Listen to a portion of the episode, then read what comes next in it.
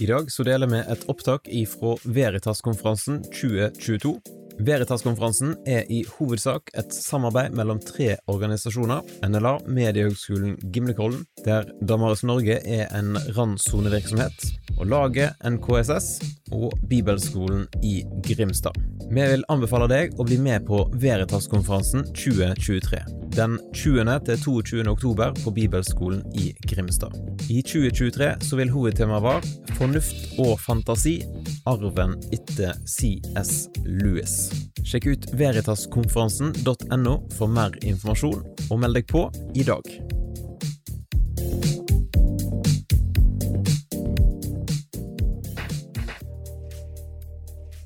Det er veldig interessant å se at når jeg nå endelig får stå i dette rommet, så må jeg stå nede sammen med dere. Ikke på scenen liksom, og føle meg veldig mye over dere. Så det er interessant og godt å vite at det går an å Jeg skal forsøke å, å uh, ta dette ja, ganske greit. Håper jeg klarer å bruke godt under en time, og så håper jeg får spørsmål etterpå. Og temaet henger jo da sammen med hovedtemaet her, nemlig 'Hvis Gud er død, kan vitenskapen overleve'? Og det som da hadde jeg fått tilsendt, tror jeg, på forhånd, er noen spørsmål sånn. Vi hører ofte at vitenskapen gjør det uh, unødvendig å tro på Gud, men kan vitenskapen leve uten Gud? Viktig med et motspørsmål eller fire iblant. Seminaret vil ta for seg Erik, Eirik Newts uh, religionskritiske ungdomsbok 'Jakten på sannheten', med spesielt fokus på bakgrunn og premisser for vitenskapens fremvekst, bærekraft og ikke minst slitestyrke. Dette høres jo litt sånn småkjedelig og akademisk ut, men jeg skal da forsøke å gjøre det litt mindre småkjedelig og kanskje ikke så akademisk som noen er vant til, men kanskje mer enn noen er vant til. da. Spørsmålet er hvis Gud er død. Jeg hadde noe om dette på et seminar før i dag. Jeg skal ta litt gjentagelse for de som var der da. men dette er et ganske stort spørsmål. Hva, handler, hva betyr det hvis Gud er død? Altså, Hva betyr det hvis Gud finnes? Hva er Gud? Og, og, hva er det Gud som gjør for noe? Hva er det vi har hvis Gud finnes? Og Da kan man snakke om kjærlighet og frelse og etikk, moral og, og et rasjonelt ordnet univers med en skapergud osv. Men hva hvis Gud er død? Hva har vi igjen da? Har vi igjen noe kjærlighet? Har vi igjen noe eh, håp, noe etikk? Har vi et, eh, et univers som ikke er skapt? Hva betyr det i så fall for mange sider ved hvordan vi skal tenke om universet. Men som vi hørte i går kveld, de som var her da, er dette egentlig litt for nærsynt. Vi må se litt dypere på dette. For hvis Gud faktisk er Gud, så er det den helt grunnleggende eksistensen. Det er det som holder alt annet oppe. Det er det som gjør at ting som godhet, skjønnhet, sannhet i det hele tatt er mulig å tenke seg som noe reelt. En Gud som i tillegg, kanskje har, er det en viktig del av Guds store plan, da, med, har eh, med frelse, med etikk, med lov og evangelium. Og forklarer hvordan det kan ha seg at noe i det hele tatt finnes. For det er et stort filosofisk grunnlagsspørsmål. Hvordan har det seg at noe finnes? Og Ikke bare liksom, hvorfor finnes noe, for det er sånn meningsspørsmål, men ren sånn eksistens. Hvordan kan det ha seg at noe som helst finnes, og endrer seg? Hva slags virkelighet kan at, kan bety, kan gjøre at det er sånn? Og at universet er finestilt for liv, altså at det er et univers som kunne vært annerledes, bare med ørsmå endringer, ville det ikke vært mulighet for liv å oppstå eller eksistere. Og ikke minst Eh, på det vi skal snakke om nå, at naturvitenskap er mulig. Hvordan i all verden kan det ha seg at universet er sånn? Og at det, hvis Gud finnes, finnes ekte godt og galt. Hvordan er det hvis vi da tar bort Gud? Mening og håp, ansvar og frelse. Hva hvis Gud er død? Hva hvis Gud er død? Har vi noe igjen? Vi har ikke noe igjen hvis Gud er død. Det er ganske interessant. Altså, Vi har lett for å tenke for lite om Gud. For Gud, hvis Gud finnes, er det en grunnleggende eksistens. Og hvis Gud da ikke finnes, er det da noen eksistens? Uansett, hvis Gud er død, er alt som Gud gir svar på, borte. Og da er det gode revolverspørsmålet tilbake fra de som måtte gå på mediehøyskole og sånt. Hva er det Gud gir svar på? Hva i all verden innebærer det i praksis at Gud finnes? Og som jeg sa i forrige seminar, siden jeg visste at det var dere som kom, så skjønte jeg at det er denne ordskyen som gjelder. Dette med hva det betyr at Gud finnes, eventuelt blir borte, det avhenger jo av hvem du spør. Men altså, vi har å gjøre med en rekke dype filosofiske spørsmål om hva slags virkelighet vi lever i, forhold som om det finnes objektive forpliktelser, finnes det noe ekte menneskeverd, og en masse ting som jeg oppsummerer med pluss, pluss, pluss, og la meg ligge til pluss. Hvis Gud finnes, så er det jo mulig med mening, verdi og håp. Hvis alt som finnes, er naturen, hva er igjen? Hva er det som står i Er Gud borte? Er alle guder? Er det alt? Og ikke minst, hva med naturvitenskap? Hva med naturvitenskapen hvis Gud er borte? Veldig ofte har mange et sånt litt ærbødig forhold til naturvitenskapen. Det er liksom den som setter premissene for hva vi kan snakke seriøst om. Alle, eller veldig mange fag utenfor naturvitenskapen, enten det er samfunnsfag, eller det er humanistiske fag, eller andre fag, den liksom har en tro på at det er naturvitenskapen som er liksom det som på måter man må forholde seg til og prøve å få inn naturvitenskapelige metoder så langt det er meningsfullt i, i, i faget.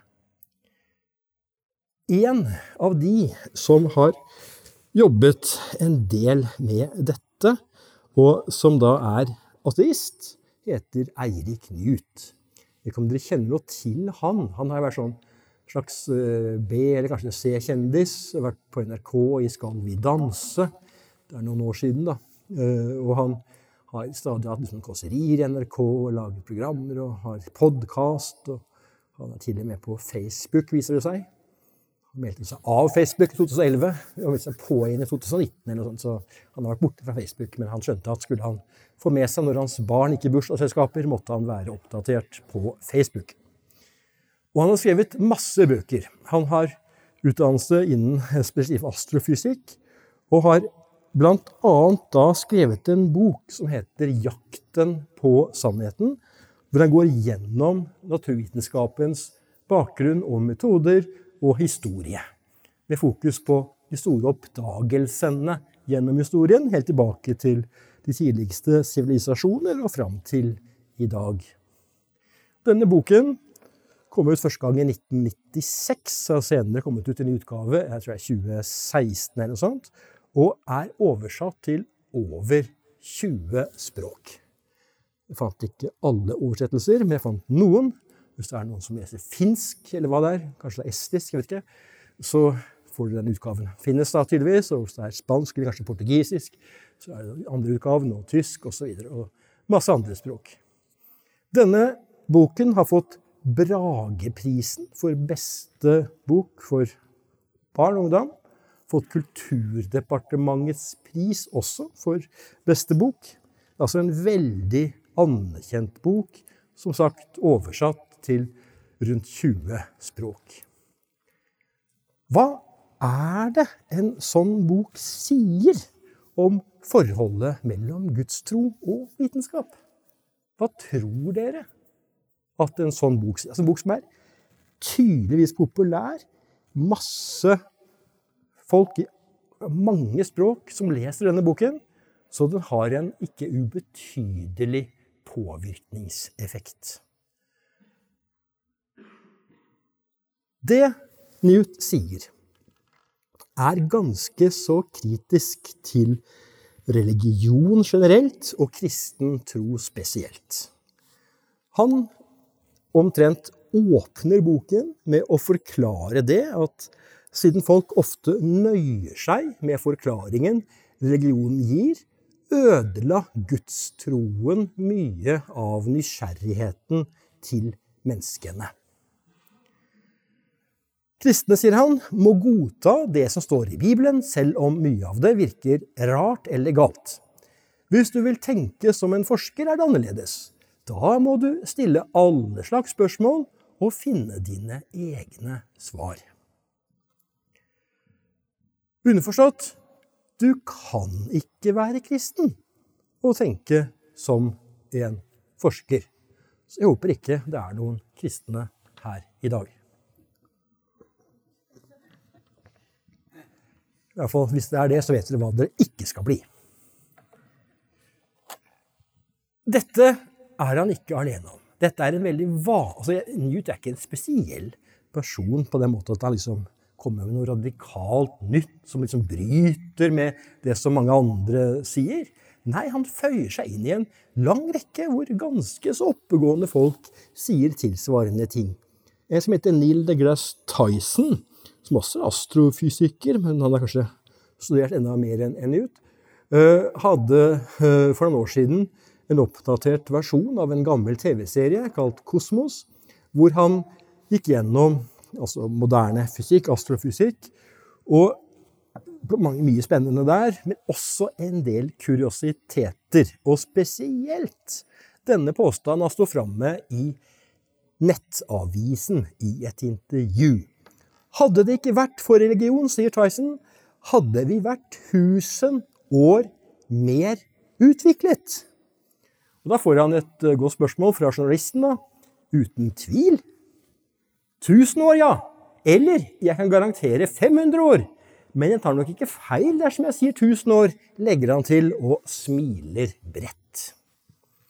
Så denne fyren, som da tydeligvis kan smile bredt, han kan ikke så mye, vil jeg si, om historien.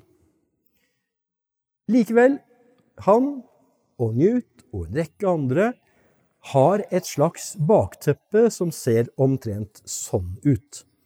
Vi ser her hvordan den vitenskapelige kunnskapen har utviklet seg fra egyptisk tid for mange tusen år siden, dette oransje, og så vokste den, økte enda mer gjennom den greske antikken, så kom Romerriket med alle disse keiserne.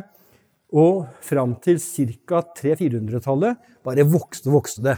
Så fikk denne gruppen kristne, håper ikke dere kjenner noen slike, makten. Og dermed var det 1000 års sort hull, til mørke, hvor all vitenskap lå brakk. Så kom renessansen, og det eksploderte nærmest. Opplysningstiden og moderne vitenskap brakte det opp til himmelen, som vel det Grass Tyson kun ser på som et astronomisk fenomen. Og resultatet er at det er blitt et hull. Et tusen års tapt mulighetsrom. Hvor altså de, den kristne mørketida ødela for vitenskapen.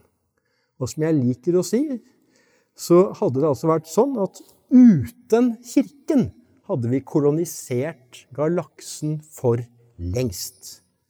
Vi hadde levd i ikke Star Wars, for det er lenge siden, men i Star Trek, som er fremtiden. Og Star Trek da på 3000-tallet, som i en av de seneste seriene. Stemmer dette? Hva er det som foregår her? Dette, denne figuren er hentet fra selveste internettet, så den må jo være sann. Mye handler om at man tror man har et kritisk blikk, men man har det faktisk ikke.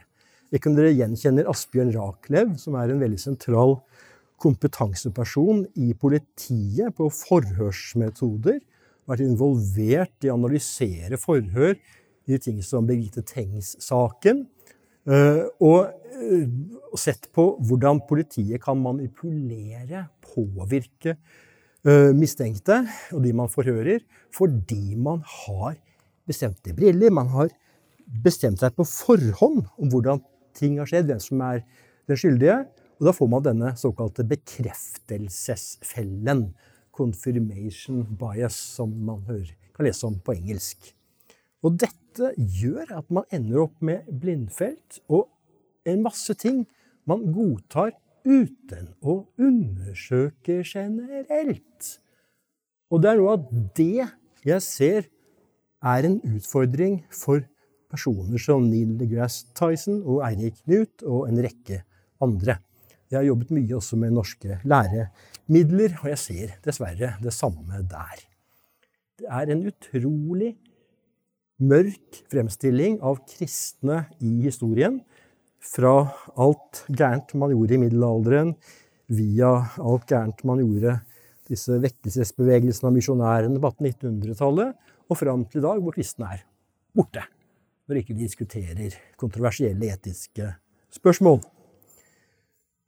Det som jeg savner hos Eirik Knut og andre, er at de tar en god runde med hva som faktisk er vitenskapens premisser. Hva er det? Hva er forholdet mellom tro og vitenskap? Er dette bitre fiender? Rake motsetninger? Du må enten tro, eller du må vite. Jeg tror det finnes to typer mennesker. Det finnes sikkert mange andre òg, men i hvert fall her er det to. De som tror at de vet, og de som vet at de tror. Fordi all viten bygger på tro.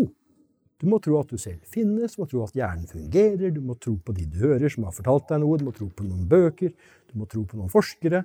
All viten bygger på tro, inkludert vitenskap. Og hva slags type tro snakker vi om der? Altså Ordet tro har jo forskjellige liksom, betydninger i denne sammenhengen. Da. Eh, og det er ikke som en blind tro på noe rent tilfeldig alltid. Det kan være en begrunnet tro. Og det vi snakker om her, er F.eks. på at det finnes en verden, at ikke alt bare er en drøm. På at denne verden som finnes, er verdt å forske på, at det har noe poeng å forske på. Du kan få noe ut av dette. Du kan gjøre noe bra på grunn av dette. Og at den er mulig, altså den er rasjonell.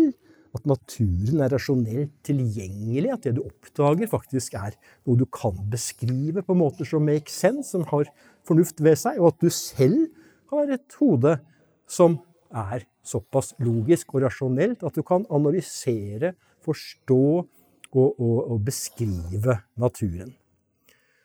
Og da henger det også sammen med troen på at naturen er regelmessig, og altså kan gjentas. Eksperimenter, test av hypoteser kan gjentas, og du kan da få samme resultat hver gang. Og får du ikke det, så er ikke din første innskytelse at det er naturen som har endret seg. Nei, da er det at oppsettet av forsøket var forskjellig. Eller at han første, eller hun første som sjekket, faktisk så noe feil. At de tenkte feil. Det man litt enkelt kan kalle for naturlover. Og en del av dette handler også om måten man kan formulere beskrivelser av ting i naturen på, matematikk, formler og så videre. Og da er det sånn at selv om all viten bygger på tro, så er det noen typer tro som kan fremme naturvitenskap. Mens det motsatte, andre typer tro, kan hemme naturvitenskap. Der er de veldig nysgjerrige på hva slags type tro jeg snakker om, de to forskjellige alternativene. La oss stille et spørsmål.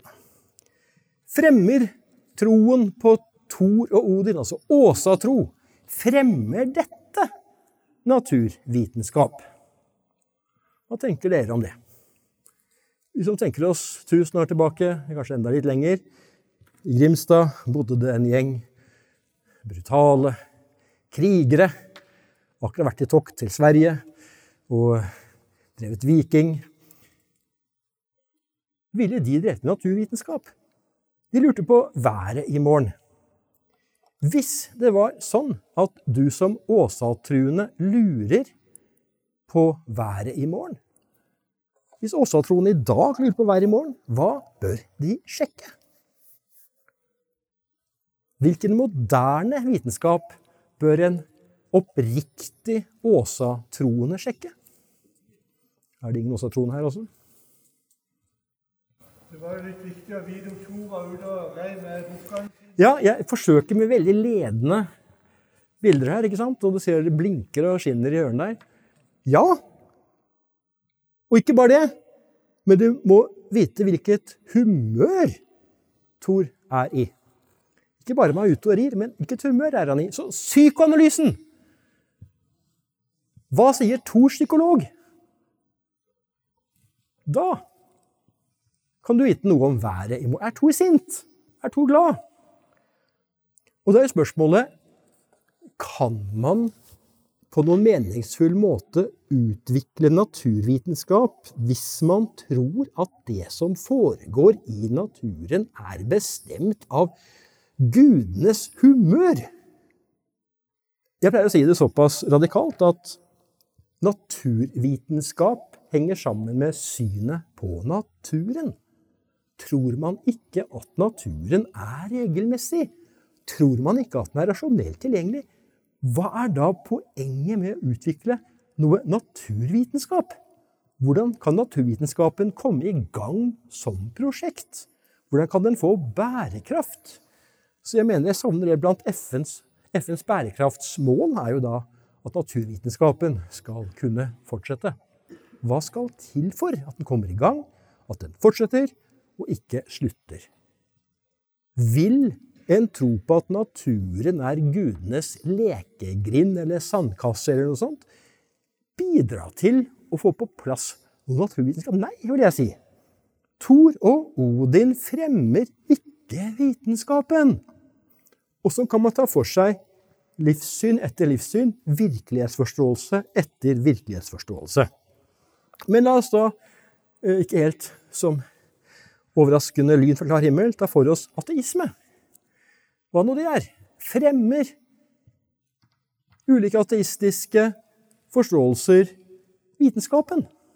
Hva er det vi snakker om her? Man kan forstå ateisme som litt ulike ting. Eh, jeg var inne på det i forrige seminar, at på den ene siden har man da ateisme som eh, at man, man, fornekter, avviser at Gud finnes. Det er den mer sånn filosofiske varianten fra Stanford Encyclopedia of Philosophy. Eller at du har det at man har ikke tro på at Gud finnes. Tror ikke at Gud finnes. Altså mer psykologiske varianten. Og veldig mange ateister jeg snakker med i dag, de ligger på den, de påstår iallfall selv at de ligger på den tror ikke at Gud finnes. Men uansett, hva er det ved ateisme som fremmer vitenskapen? For normalt er det altså ingen sterk ideologi. Det er fravær av gudstro. På hvilken måte kan fravær av gudstro inspirere til å drive med vitenskap? Siden Gud ikke finnes, må jeg samle på frimerker. Siden Gud ikke finnes, må jeg bygge et hus. Det er ikke, det er ikke noe logisk vei fra Gud, jeg tror ikke Gud finnes, til naturvitenskap. Men likevel har ateister, for de jeg snakker med, sier de, gode grunner til å støtte vitenskap. En av dem er den opplagte. Snøballen er begynt å rulle. Dette har virkning. Det er positive effekter på mange områder. Når den først er i gang, er det et spennende prosjekt. Det er gøy å være med på dette her. Og, og det er virkelig nyttig også, når vitenskapen først finnes.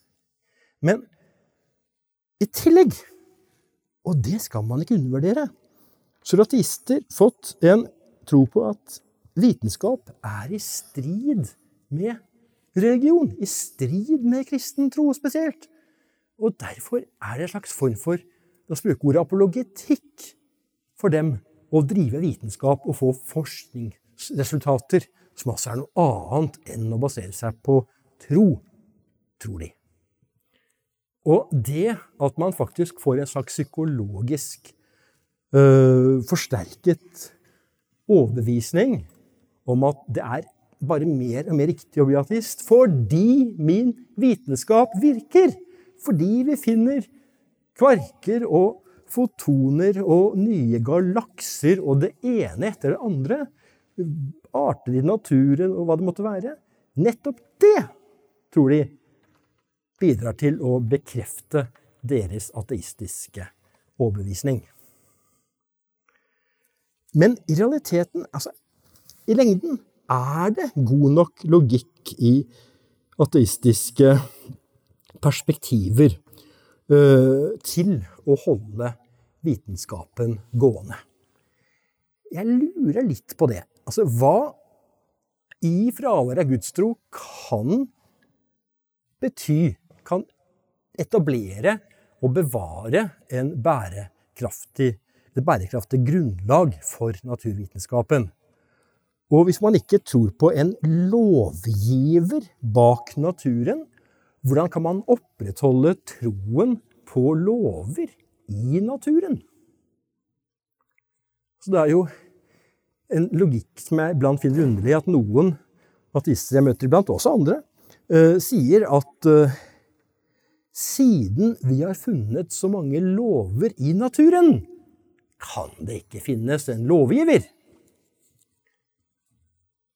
Det syns jeg ikke er det mest imponerende uttrykk for logikk. Og hvis alt dypest sett er verdi tomt, uten mening, har da vitenskap egentlig noen verdi, mening og gyldighet utover hva jeg liksom føler for akkurat nå? Eller min rasjonalitet, mine verdiopplevelser Hvis alt egentlig, dypest sett, bare er fysikk og, og, naturprosesser, finnes da noe verdier? Og hvis ikke det finnes noen ekte verdier, kan da vitenskap ha noen ekte verdi?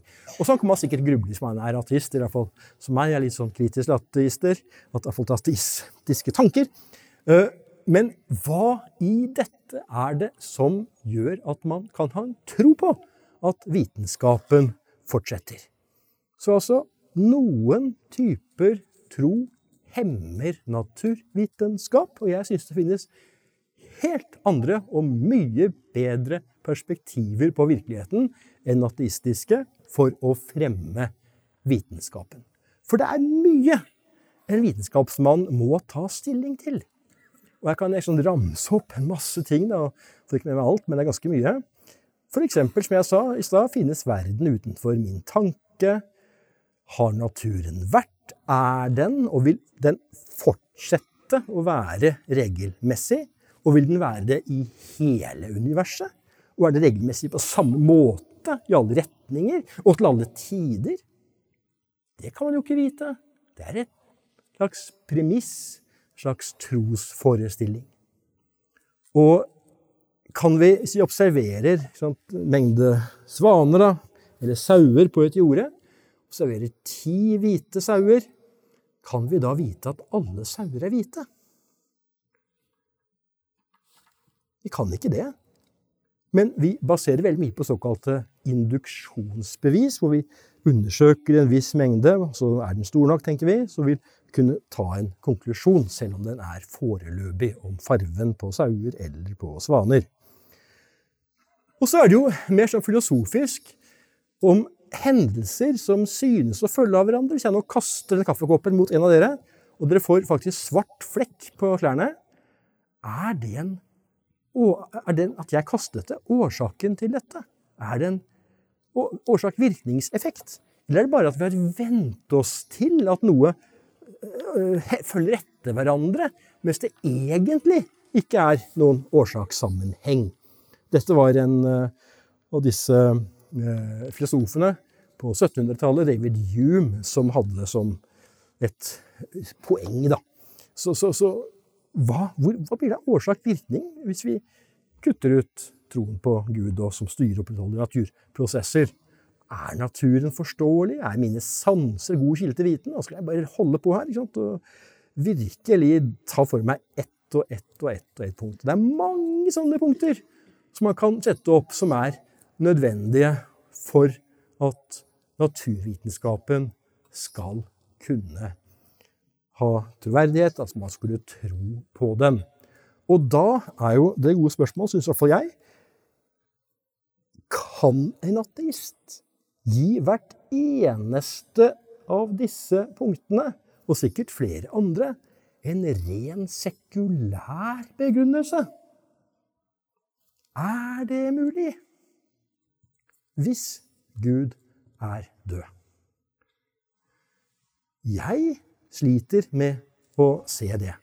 For det, ofte argumenterer man liksom motsatt. Det er som at siden vitenskapen er viktig og virker, så må premissene være riktige. Hvis realiteten er det altså motsatt. At vitenskapen er viktig og virker fordi disse premissene stemmer. Men hvordan kan det ha seg at disse premissene virker, hvis alt kun er naturprosesser? Hvor kommer denne tanken om sånne naturprosesser som er fundamentale, er, er, er konstante, mener jeg, fra? Man kan gå tilbake i historien, uh, finne røtter til dette mange steder. Gamle grekere også litt før det.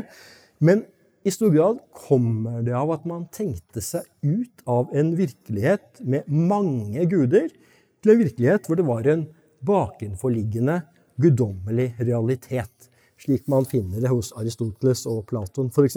i antikken, og slik man ser det hos kristne også i antikken. Uh, Kirkefaderen Augustin skrev en spennende bok på 400, tidlig 400-tallet om den bokstavelige betydningen av første Mosebok.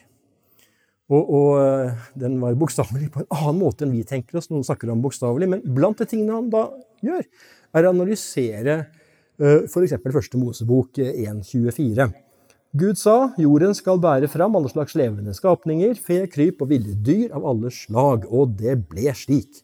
Og hva sier Augustin til dette? Jo, han utleder det at Skriften derfor har fortalt oss at jorden, så bruker han ordet kausalt, altså sånn årsak-virkningsmessig, har båret frem avlinger og trær på den måten at jorden fikk makten til å bære dem frem.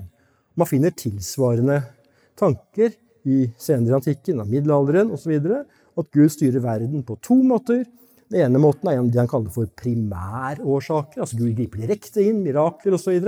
Det andre er sekundære årsaker, hvor Gud styrer verden gjennom naturprosessene, naturlovene, som vi kaller det. Og det er den normale måten Gud styrer på. Så altså noen typer tro fremmer naturvitenskap. Troen på at naturen er skapt av en rasjonell skaper, ikke er tilfeldig. At naturprosessen er lovmessige, regelmessige, fordi Gud er trofast og opprettholder den skapte naturen. Og vi kan forske på denne naturen. Vi kan tenke Guds tanker etter ham, som en del teologer og fysikere og sånt har sagt i historien, fordi vi er skapt i Guds bilde. Og her har vi å gjøre med mange ting vi kan trekke fram. Og to tenkere som da på hver sin generasjon har sagt noe om dette, er de som er akademisk orientert. Men siden Gud hadde ordnet og styrt naturen ved sekundære årsaker, og vi fått et såkalt autonomt Det er jo ikke autonomt, da, siden Gud ligger bak alt likevel. Men det er et system vi kan regne på.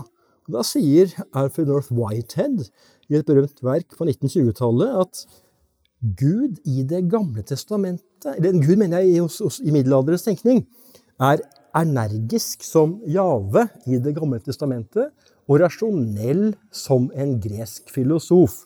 Og Det han sier, er litt morsomt, for han sier at naturvitenskapen er en utilsiktet bieffekt av middelalderens teologi. Så det er en bivirkning man kan rapportere inn til Helsedirektoratet eller noe sånt. Jürgen Habermas, eh, en kjent ateistisk filosof, eh, uttalte at kristen gudstro var avgjørende for fremveksten av vår kulturs tro på muligheten og verdien av objektiv rasjonalitet. Ganske klare og sterke utsagn. Men så kommer altså Eirik Knut. Og i boken 'Jakten på sannheten' så har han en del interessante utsagn. og interessante ambisjoner. Og noe av det er veldig bra. F.eks. utsagnet om at det viktige er at du aldri tror at noe er sant bare fordi andre sier at det er sant. Så da oppdaget han jo det plutselig, at han hadde sagt en del feil i første utgaven. Og det ble rettet. Han uh, unnskyldte seg her med at uh, ifølge kilden jeg brukte i 1996, ledet uh, matematikeren Hypatia det berømte biblioteket Alexandria i Egypt før hun ble drept i 415 etter Kristus, samtidig med at biblioteket ble ødelagt. I dag knyttes ikke Hypatias død til ødeleggelsen av biblioteket, og disse avsnittene er derfor tatt ut. Og det var jo veldig morsomt, fordi jeg selv skrev en bok samtidig. Den andre der, det som heter 'Da kvinnen fikk sjel', og andre historier. Og jeg så annet på Hypatia. Jeg gjorde det sannelig i 1996. Og de kildene jeg så på, var de normale historiske kildene, og de hadde for lengst avvist denne påstanden som Newt øh, mente var i kildene. Men det var sikkert de kildene han brukte. Det stemmer nok. Men de kildene var ikke faghistorikere. Det var type Carl Seigen, vil jeg tro, som laget den første utgaven av denne Kosmos-serien som Neil deGrasse Tyson kom en ny versjon av for noen få år siden. Så mange av de jeg brukte som, som kilder, den gangen gjorde til og med et nummer av hvor lett det var å falle for myten om Hypatia. Så Eirik Knut imponerer ikke, verken i 2016 eller i 1996. Det er en tydelig bekreftelsesfelle hvor han ikke skjønner at de kildene han bruker, ikke har grunnlag for å konkludere som de gjør. Så han stolte på kilder som ikke var historikere. Og det er jo ikke et godt tegn. Men hva med den neste boken, da? Etter å ha rettet opp uh, denne grove feilen, og et par andre mindre grove, ble han flinkere til å sjekke. Denne som, ateisten som jakter på sannheten. Ja, hva sier den da? Og middelalderen? Jo, da ble sykehusene stengt fordi prestene fortalte at folk bare kunne bli friske ved å be til Gud. Det stemmer overhodet ikke. Tvert imot var det jo kirken som opprettet hospitaler og andre måter man kunne behandle syke på som ikke kunne betale, til og med. Og, og, det som ble stengt av sykehus, kom jo av økonomiske nedgangstider. Det var ikke fordi Kirken fortalte at folk bare kunne bli friskere ved å be til Gud. Tvert imot har vi kilder hele veien på at Kirken og kristne brukte normal medisin, normale leger. Han hevder at akademiet i Aten på 520-tallet ble stengt etter 800 år, da, for det som er Platons gamle akademi. Da kan man legge 800 år tilbake, komme til Platons tid fordi filosofenes lærdom var hedensk. Nei, det stemmer heller ikke. For det første hadde det ikke noe å gjøre med Platons akademi. For det andre kom det av at keiseren irriterte seg over at man drev med ikke-vitenskapelige ting. Sånn som åndemaning, teologi og, og eh, spådomskunst osv. En masse ting som jeg vil mistenke at Eirik Knut ikke ville like at noen akademikere driver med. Mange trodde, mange kristne trodde at jorden var flat, og teologer lurte på om kvinner hadde sjel. Altså, To av disse grunnleggende mytene som overhodet ikke stemmer. Det var ingen teologer i middelalderen. Man har et par sånn fra Syria-området i senantikken, men man har ingen i middelalderen av teologer eller andre tenkere, kristne tenkere som mente at jorden var flat. Tvert imot er alle kilder, alle former for kunstverk som fremstiller jorden, veldig, veldig tydelige på at jorden er rund. Man ser det i Thomas Akinas store oppsummering av teologien, Summa Teologica, hvor allerede første side i boken har et enkelt eksempel for studentene på at to ulike vitenskaper kan komme fram til samme konklusjon, nemlig at jorden er rund. Man ser det i det store fantasyverket, for å kalle det for det, Dantes guddommelige komedie fra starten av på 1300-tallet, hvor Dante blir med på en vandring inn i den runde jord, disse kretsene ned mot midten av jorden gjennom Inferno. Midten møter da djevelen, og så opp igjen gjennom runde jord til skjærsildens berg, og så utover til de store himlene, altså solens bane og planetenes baner rundt den runde jord. Vi ser den norske boken Kongespeilet, en lærebok fra den gang man kunne skrive lærebøker, altså 1200-tallet, hvor man ser at uh, læreren skal ta et eple i en snor og føre stearinlys mot eplet, og der hvor lyset er nærmest eplet, så er det varmest og lysest, og slik er det også med jorden og solen. Man ser det kunstverk, mosaikker i uh, kirker i Ravenna f.eks. fra 500-tallet, hvor Jesus sitter på den runde jordkloden som en slags stol. Vi ser det med i, i lærebøker i landmåling, hvor folk går rundt hele jorden med måleinstrumenter. Vi ser det i statuer av Karl den store, hvor da keiseren og også en andre konger holder den runde jordkloden i venstre hånd med et kors på toppen. Rett og slett slik at dette er noe som viser at Kristus skal være herre over jorden. Men kanskje noen spør da, men hva i Grimstad?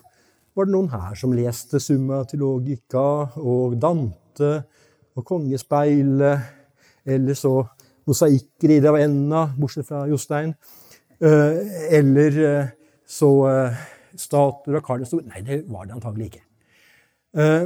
Men det var i norske kirker én person som var gjennomgående i de fleste, nemlig Hellig Olav. Hvordan er fremstillingen av Olav den hellige i Norsk kirke? Jo, han har en rund jordklode i venstre hånd med et kors på toppen. Det rikseplet, som altså så i forbindelse med dronning Elisabeths død, og som følger kongehuset.no, representerer jordkloden og en tradisjon tilbake til de romerske keiserne, og før dette også. Lurte på om kvinner hadde sjel. Myte fra eh, moderne tid. Eh, det var ingen diskusjoner i kirkens uh, altså i noen deler av kirken om kvinner hadde sjel. Kvinner ble døpt fra første stund i apostlenes gjerninger, og man døper jo bare de som har sjel. Og sier Newt videre teologene lurte på hvor mange engler som kunne danse på en nålespiss. Igjen en myte. Ingenting med realiteten å gjøre.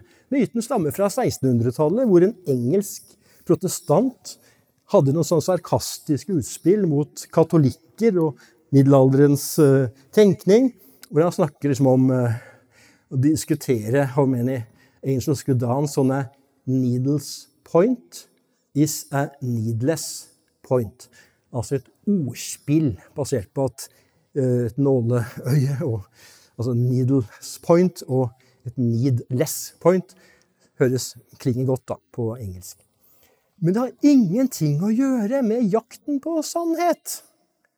Og her kan man gå gjennom punkt etter punkt etter punkt etter punkt etter punkt etter punkt etter punkt etter punkt etter punkt, og blaps, blaps, blaps. Her er det rett og slett identifisert 18 punkter, som jeg har uh, tatt noen av dem litt løst. Uh, og jeg kunne nå brukt god tid på hver av dem, men jeg skal ikke det. Uh, de som er interessert, kan lese en artikkel på fagsjekk.no om denne boken, hvor jeg går gjennom litt, med litt hjelp av Sverre Holm, som dere hørte i går fra en sofa.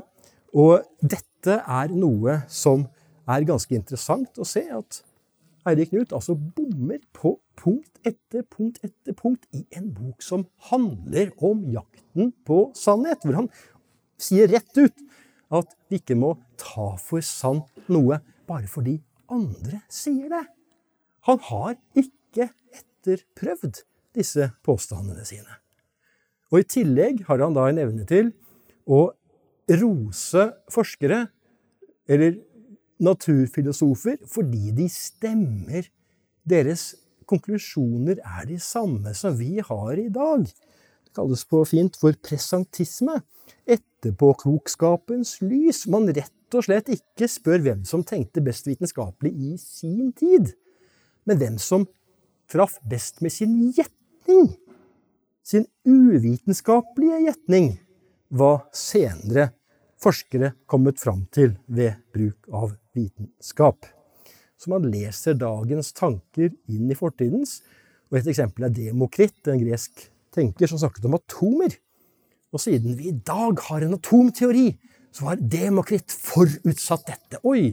Han ble fortrengt selvfølgelig av middelalderen og andre. Og, og, og, det viser hvordan konflikten er mellom tro og vitenskap. Men det Demokrit sa, var at naturen var bygget opp av små bestanddeler, og de minste delene var atomer.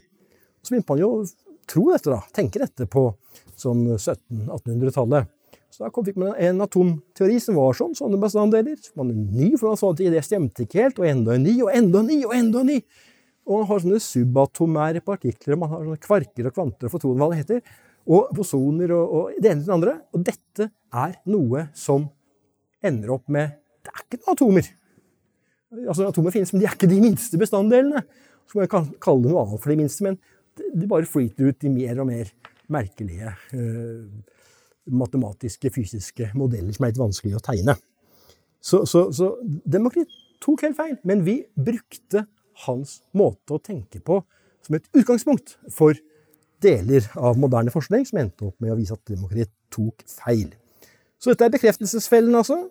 Boken er tendensiøs, og han nevner ikke at dyktige forskere har gudstro når han omtaler dem.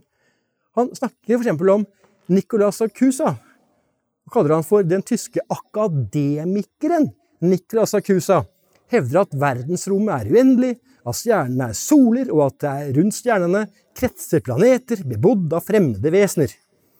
Vi er nå på 1400-tallet, så altså det er imponerende tenkt da, av Nicolas Acusa. Men hvem er denne tyske akademikeren? Som Eirik Knut ikke sier noe mer om. Jo, han var katolsk kardinal!